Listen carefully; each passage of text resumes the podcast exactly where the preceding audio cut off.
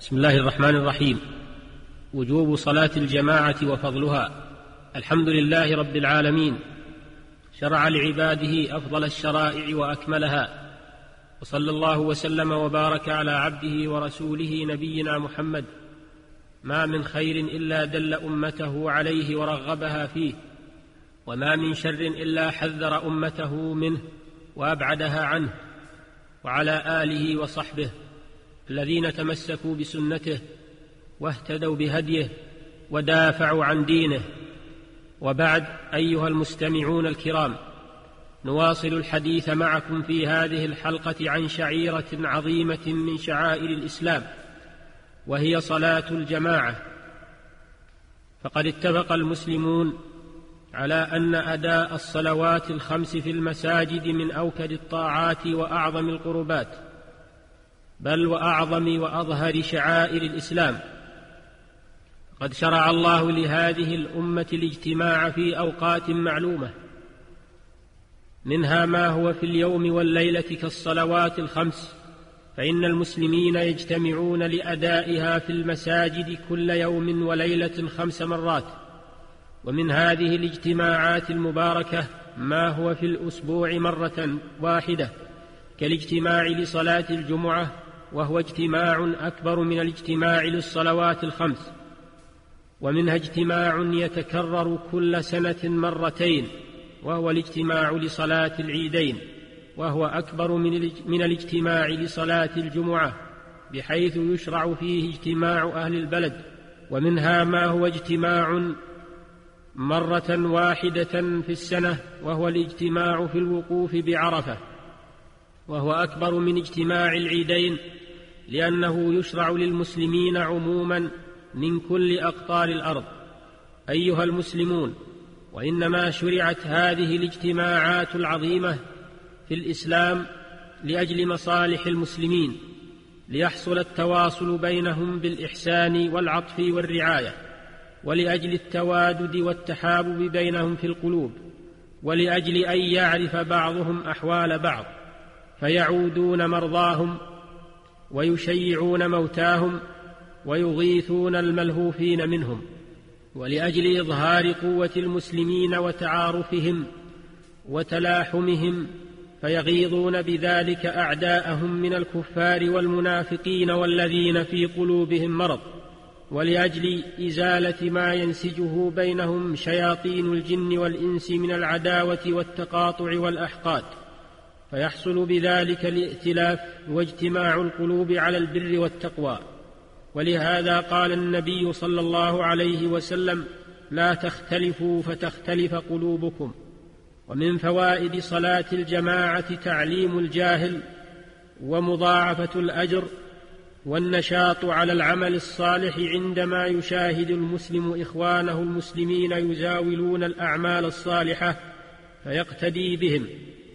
وفي الحديث المتفق عليه عن النبي صلى الله عليه وسلم صلاة الجماعة تفضل على صلاة الفذ بسبع وعشرين درجة وفي رواية بخمس وعشرين درجة أيها المسلمون إن صلاة الجماعة فرض على الرجال في الحضر والسفر في حال الأمان وحال الخوف وجوبا عينيا والدليل على ذلك الكتاب والسنة وعمل المسلمين قرنا بعد قرن خلفا عن سلف.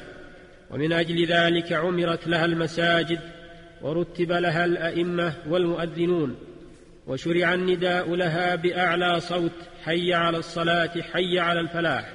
وقال الله تعالى في حال الخوف وإذا كنت فيهم فأقمت لهم الصلاة فلتقم طائفة منهم معك. الآية فدلت هذه الآية الكريمة على تأكد وجوب صلاة الجماعة حيث لم يرخص للمسلمين في تركها حال الخوف فلو كانت غير واجبة لكان أولى الأعذار بسقوطها عذر الخوف فإن الجماعة في صلاة الخوف يترك لها أكثر واجبات الصلاة فلولا تأكد, فلولا تأكد وجوبها لم يترك من أجلها تلك الواجبات. الكثيرة فقد اغتفرت في صلاة الخوف أفعال كثيرة من أجلها. وفي الحديث المتفق عليه عن أبي هريرة رضي الله عنه عن النبي صلى الله عليه وسلم أنه قال أثقل الصلاة على المنافقين صلاة العشاء وصلاة الفجر ولو يعلمون ما فيهما لأتوهما ولو حبوا. ولقد هممت أن آمر بالصلاة فتقام ثم آمر رجلا فيصلي بالناس ثم انطلق معي برجال معهم حزم من حطب إلى قوم لا يشهدون الصلاة فأحرق عليهم بيوتهم بالنار. ووجه الاستدلال من الحديث على وجوب صلاة الجماعة من ناحيتين الناحية الأولى أنه وصف المتخلفين عنها بالنفاق والمتخلف عن السنة لا يعد منافقا. فدل على أنهم تخلفوا عن واجب.